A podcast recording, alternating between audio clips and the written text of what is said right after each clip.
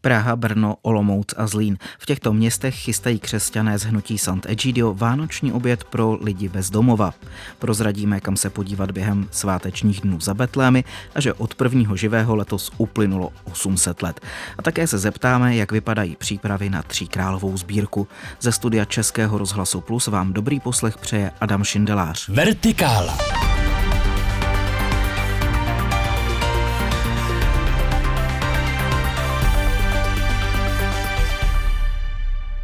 Dneškem začíná projekt Betlémy 2023.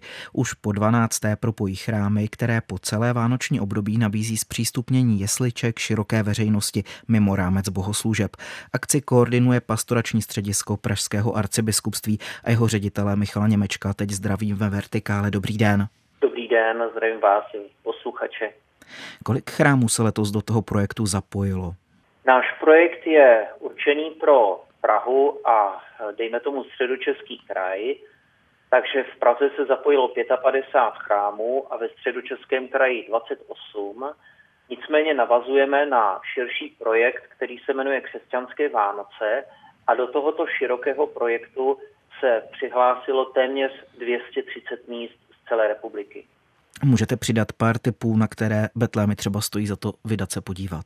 Je to samozřejmě obrovská škála tak můžeme například začít v Kolíně v katedrále svatého Bartoloměje, kde mají takový typický betlém, který vznikl někde na konci 19.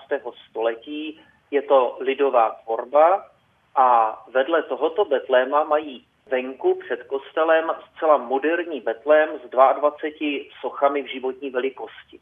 Nebo bychom mohli zabloudit do Prahy, do Holešovic, kde mají opravdu velmi vzácný betlém, Vytvořil ho akademický sochař Václav Cvekl někdy v roce 1904 a tento betlém znázorňuje figurky oblečené do různých slovanských krojů.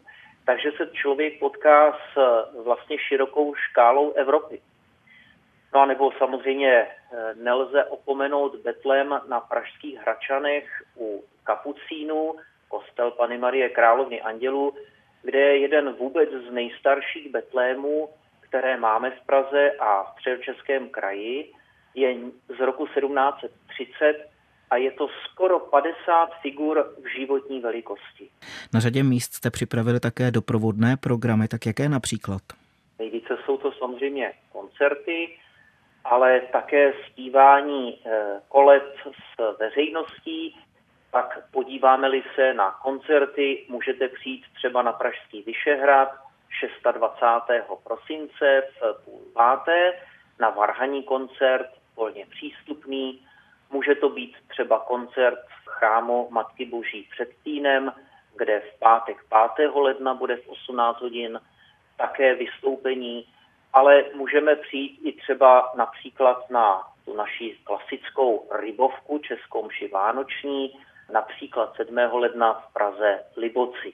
A abych nezůstal jen v Praze, tak můžeme pozvat eh, naše posluchače třeba na zpívání kolet u jesliček do Příbramy na Svatou horu o 14 hodin, tedy ještě jednou 25. prosince.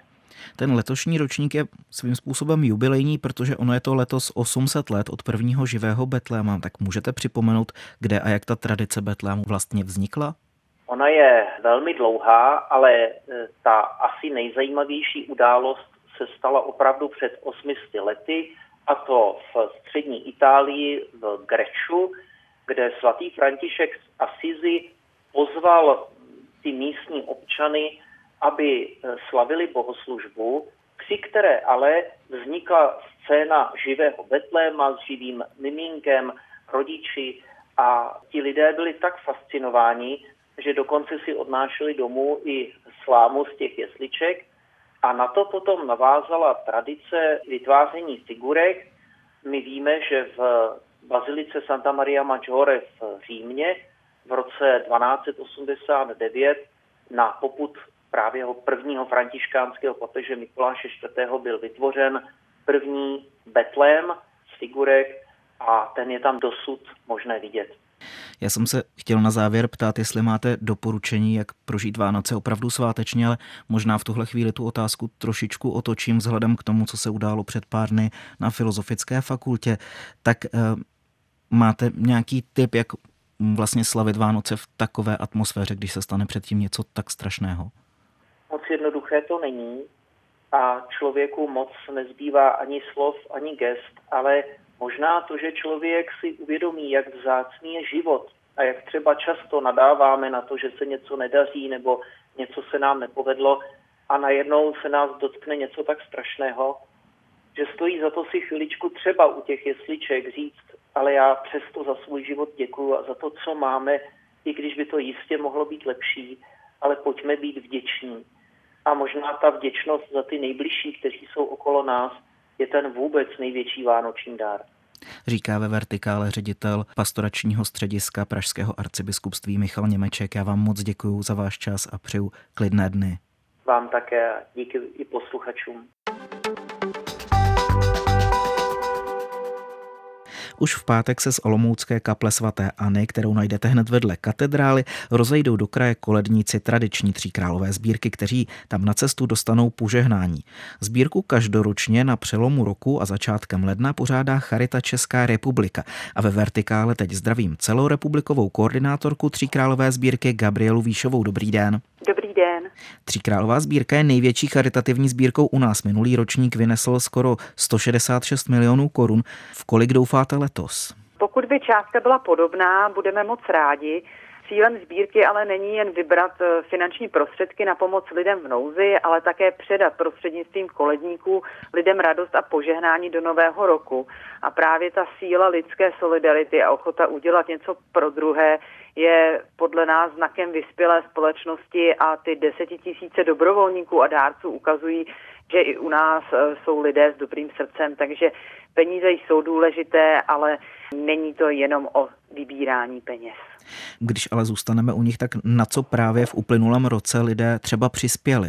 V loňském roce se z vybraných peněz podpořilo více než 600 záměrů jednotlivých charit v rámci Charity Česká republika. A například Charita Tišnov, která provozuje domácí hospic, prostředky z Tříkrálové sbírky využila právě na rozvoj domácí hospicové péče, na zajištění personálního a materiálního vybavení pro péči o umírající pacienty a jejich pečující rodiny.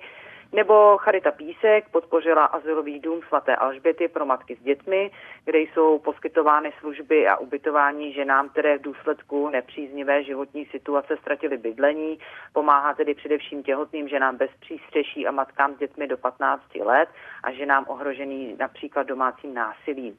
A velice často charity používají prostředky ze sbírky, stejně jako Charita Lobosice, na spolufinancování nákupu aut pro zajišťování sociální a pečovatelské služby. Teď se i snažíme nakupovat auta, která jsou ekologičtější, to znamená nějaké ty hybridy a elektroauta. A do jakého typu pomoci by tentokrát v tom novém ročníku Charita potřebovala nejvíce hnat peněz? tak Charita poskytuje velice široké spektrum služeb. Výtěžek sbírky je určen na pomoc nemocným, handicapovaným, seniorům, matkám s dětmi, lidem bez domova a všude tam, kam dosáhne pomoc vlastně Charity Česká republika. Desetina výnosů se také používá na rozvojovou a humanitární pomoc a na katastrofy přírodní, například v zahraničí, jako bylo třeba zemětřesení v Turecku. Vzhledem k tomu, že ta ekonomická situace není úplně příznivá a mnoho lidí se dostává do existenčních problémů, je pomoc Charity potřebná víc než kdy jindy a také se nám projevuje stárnutí populace, což znamená značný nárůst klientů využívajících zdravotní a sociální služby Charity. Rozšiřujeme také hospicovou péči, takže určitě prostředky finanční se nám hodí na to, aby jsme zvládli nápor klientů. Od svého počátku před více než 20 lety je pro sbírku typické, že skupiny koledníků vybírají v ulicích dům od domu v kostýmech právě tří králů, ale časem se přidala i koleda online online, tak která je teď úspěšnější? Tak sbírka stále stojí na kolednicích. My jsme nesmírně vděční všem, kteří se zapojí, ať již jako králové nebo organizátoři koledování. Online koleda, která je dostupná na webových stránkách Tříkrálové sbírky, je vlastně doplňkem té sbírky. Je to spíš příležitost pro ty, kteří chtějí přispět, ale nepotkali třeba koledníky, nebo chtějí darovat třeba nějakou vyšší částku. Bezhotovostní dary na sbírky stále rostou, ale pro nás je stěžení to koledování ve městech a vesnicích, protože sbírka je celospolečenskou událostí a mnozí lidé se na koledníky připravují a těší se, až je králové navštíví. A máte stále dost zájemců, kteří se chtějí vydávat do ulic. A co vlastně musí koledníci splnit, aby koledovat za charitu mohli? Koledníků nikdy není dost a koledovat může opravdu s každý. Nezáleží na věku od nejmenších koledníků až třeba pro lidi v seniorském věku. Pokud mají zájem, přivítáme každého. Stačí, když kontaktují nejbližší charitu v místě jejich bydliště nebo tu, která jim nejblíž a e, informují se o tom, jak se mohou zapojit. Určitě budou mít naši zaměstnanci radost, že se do sbírky chtějí připojit a chybí nám koledníci především ve větších městech. Velký zájem lidí je o návštěvu tří králů, často nám volají a my nedokážeme pokrýt vlastně ten zájem. Takže pokud někdo chce ještě se zapojit do koledování sbírky 2024, teď na začátku ledna, stále může a informace najde i na webových stránkách Tříkrálové sbírky. No a pro jistotu připojíme, jak lidé poznají, že jde skutečně o koledníky Charity Česká republika.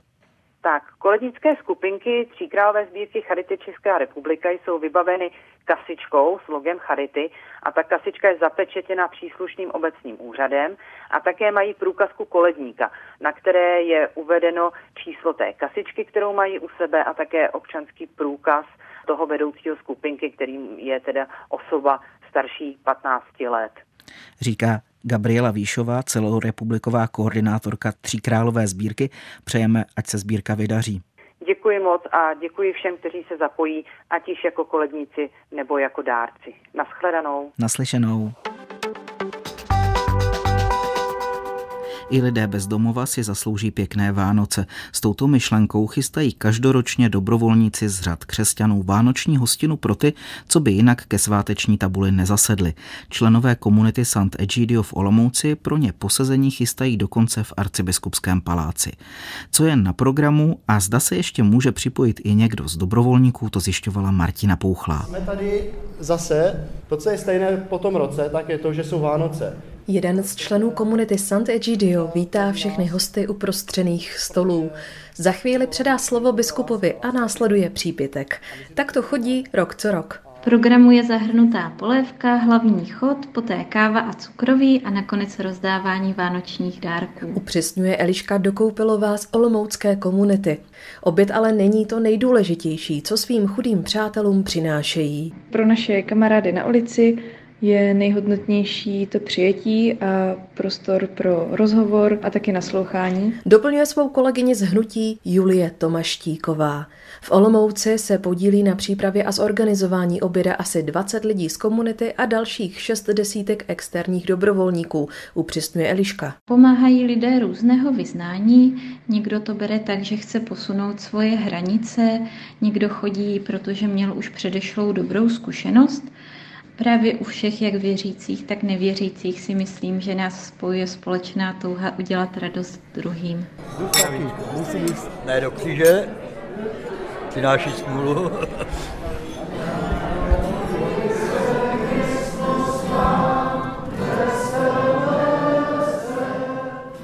Vánoční obědy organizované komunitou Sant Egidio se blíží, přesto je podle Elišky ještě možné se přihlásit s pomocí. Buď budeme rádi za dary, jako jsou třeba tuškové baterie, sprchové gely, šampony nebo ponožky, které ještě 26.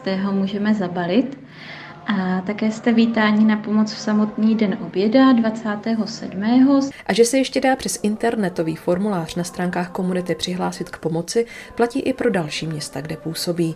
V pondělí je oběd v Praze, v úterý v Brně, další den v Olomouci a ve čtvrtek pak ve Zlíně. Posloucháte Vertikálu.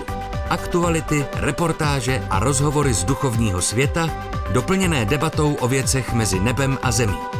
Poslechnout si je můžete také na webu plus.rozhlas.cz, v aplikaci Můj rozhlas a v dalších podcastových aplikacích. Lidé z celé republiky zamířili v čase adventu do Třebechovického muzea Betlému. Láká je tam především prohlídka unikátního proboštova Betléma. Nakolik je zachován jeho původní ráz a co můžete obdivovat, to zajímalo kolegu Karla Sladkého, který se v předvánočních Třebechovicích také zastavil. Jaký je vlastně příběh právě toho Proboštova Betléma? Ten příběh je takový, že Josef Probošt se vrátil z vojny, oženil se v roce 1882 a narodilo se jim miminko, malý Jozífek, který tedy bohužel po osmi měsících zemřel.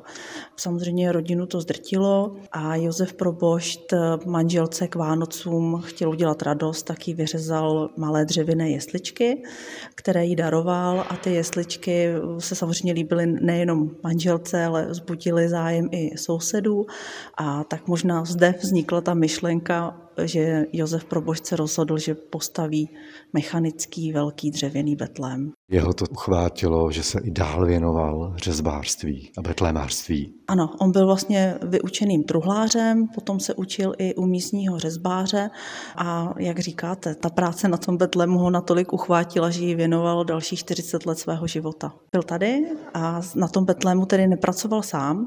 On věděl, že není úplně mistrem řezbářem, proto ke spolupráci přizval výborného řezbáře Josefa Kapuciána a aby se Betlém mohl rozhýbat, tak si ještě přizval ke spolupráci sekerníka Josefa Frimla. Takže je to práce tří Josefů. Tři Josefové, probošt, kapucián, Friml. Když se ještě vrátíme ke vzniku toho proboštova Betlému, to mluvíme o... Traduje se, že ty jesličky dal své manželce v roce 1885 a pak tedy začal vyrábět ten velký Betlém. Který byl dokončen zhruba kdy? Sám Josef Proboš s ním vlastně jel na výstavu v roce 1906 a v tom samém roce se i rozešel právě s řezbářem Josefem Kapuciánem, takže ten Betlém jako celek už byl vlastně v té době vyřezán a fungoval, ale ta jeho podoba byla rohová a on potom vlastně dalších těch 20 let se věnoval i tomu, že ten Betlém narovnal a pořád ho jakoby doplňoval, opravoval, takže to bylo vlastně jeho celoživotní dílo. Tak můžeme už přejít k tomu unikátnímu. Určitě, pojďme. Eh, Třebechovickému Betlému, Proboštovu Betlému. Já myslím, že lidé se asi na něj ptají, hlavně za ním jezdí. Určitě taková ta priorita je přijet na proboštu Betlem, mm-hmm. ale doufám, že i další výstavy, které u nás potom vidí, tak je stejně natchnou. A se stupujeme, tady to vypadá jako v kině, Petro, trochu. Eh, je to tak koncipované, navštěvník přijde v Betlému, může se tady posadit a my mu právě tady spustíme komentovanou prohlídku a potom samozřejmě Betlem běží, ten Betlem si může prohlédnout jak ze předu, tak i má přístup k mechanice vzadu a uvidí všechna ta soukolí. Nakolik se podařilo udržet ten původní duch toho proboštova Betléma? Ten Betlém samozřejmě prošel určitými opravami, restaurováním, ale většina těch věcí je ještě z doby probošta. V roce 2015-16 probíhalo generální restaurování, při kterém se tedy muselo pár věcí, co se hlavně týče té mechaniky, vyměnit a těch několik ozubených kol, které byly nahrazeny novými, tak vlastně vystavujeme v expozici předtím. Já si myslím, že ta jeho unikátnost je právě v takové té eh, čistotě provedení, kdy tam jsou jednak mistrovsky vyřezané figurky a vlastně i ta mechanika ze zadu je mistrovsky provedena. Máte spočítáno, kolik figurek je v Betlému? To číslo je 371. Všechny figurky máme samozřejmě zaevidované a při tom generálním restaurování jsme evidovali úplně všechny kousky, nejenom figurky, ale i ty mechanické části, hřídele, kolečka, pásy. Všechno má svá evidenční čísla. Po tom generálním restaurování musím říct, že teda šlape výborně, mm. ale i tak dvakrát do roka vždycky na jaře a na podzim probíhá jeho očištění, seřízení, taková jeho generálka. V neděli 10. prosince pravoslavná farnost na Kišiněvském předměstí Gidigič opustila náruč moldavské metropolie Ruské pravoslavné církve a nechala se příslušní státní agenturou přeregistrovat do Besarabské metropolie Rumunské pravoslavné církve. Asi dvě stovky farníků místního chrámu uvítali tuhle změnu potleskem. O pravoslaví v Moldavsku teď budeme mluvit s Liborem Dvořákem. Dobrý den. Dobrý den a jdeme vám i všem našim posluchačům posluchačů. Je tento krok v současném Moldavsku ojedinělý nebo je to spíš nějaký trend? Já bych řekl, že je to spíše trend, protože takovýchto pravoslavných farností, které pod tlakem té dnes probíhající války na Ukrajině se zkrátka dobře přiklánějí spíše právě té besarabské metropolii rumunské pravoslavné církve, přestože historicky byli moldavští pravoslavní, řekl bych, skoro stoprocentně spjati právě s ruskou pravoslavnou církví. A jaký je rozdíl mezi těmi dvěma metropoliemi? Prakticky vůbec žádný, to mě docela překvapilo, protože v Obě metropolie mají vlastně zcela totožný ritus, i když patří jakoby pod dvě různé církve. A dokonce se v obou eh, těch metropolích pobožnosti slouží v rumunštině, což samo o sobě vypovídá o tom, že ty církve k sobě mají velmi blízko, respektive ty metropolie i ti věřící a dělí je doposud eh, ta, řekl bych, administrativní stránka věci. A kdo má v téhle chvíli víc věřících, když to zjednodušíme, tak rumunská nebo ruská pravoslavná církev? To je, řekl bych, velice důležitá otázka, protože hned po rozpadu Sovětského svazu se asi 98% moldavských věřících hlásilo eh, k té ruské pravoslavné církvi, respektive téhleté eh, metropolii, která patřila pod eh, ruskou pravoslavnou církev. Postupně se to samozřejmě měnilo, ale na druhé straně je pravda, k čemu se ti lidé hlásí. A druhá otázka je, kolik lidí je opravdu praktikujících křesťanů, upřímně praktikujících, chodících do chrámů a tak dále a tak podobně. A těch je odhadem dnes asi tak pětina. Hm. A co ta dělící čára mezi těma dvěma metropoliemi vypovídá o té celé moldavské společnosti? To je vůbec nejzákladnější otázka, Adame, protože tady jde zkrátka a dobře o to, že právě situace v církvi obráží vlastně i celou tu e, situaci v moldavské společnosti, e, která je rozdělena na do značné míry a zjednodušeně řečeno pro ruskou část a část proevropskou. Část proevropská před zhruba dvěma lety získala na síle v moldavské společnosti díky příchodu prezidentky Sanduové, kterou je v Evropě velmi vidět a která je vyloženě proevropská. Jinak ovšem vzpomínám si na to, že eh, vlastně to dělení je už staršího data, například když byla do, eh, do eh, jaksi eh, moldavské národní praxe místo azbuky do posud platné, do té doby platné, zaváděna latinka, tak si vzpomínám, že moje kolegyně Aurelie mi líčila, jak jednu celou dovolenou strávila eh, s tím, aby naučila maminku číst latinkou, aby i ona si mohla číst prostě ten správný provládní tisk, protože ta moldavština psaná latinkou v podstatě rumunština a vidíte, že celý ten náš hovor se točí právě kolem téhleté věci, tedy těch dvou kulturních živlů, které se v Moldavsku, či chcete-li bývalé Besarábii svářejí. Tak do Moldavska nás teď ve vertikále zaved Libor Dvořák. Díky moc a přeju hezký den. Vám také. A to je z první části Vertikály pro dnešek všechno. Ještě vás čeká debata, ale před ní tu budou zprávy. Krásné svátky s Českým rozhlasem Plus vám přeje Adam Šindelář.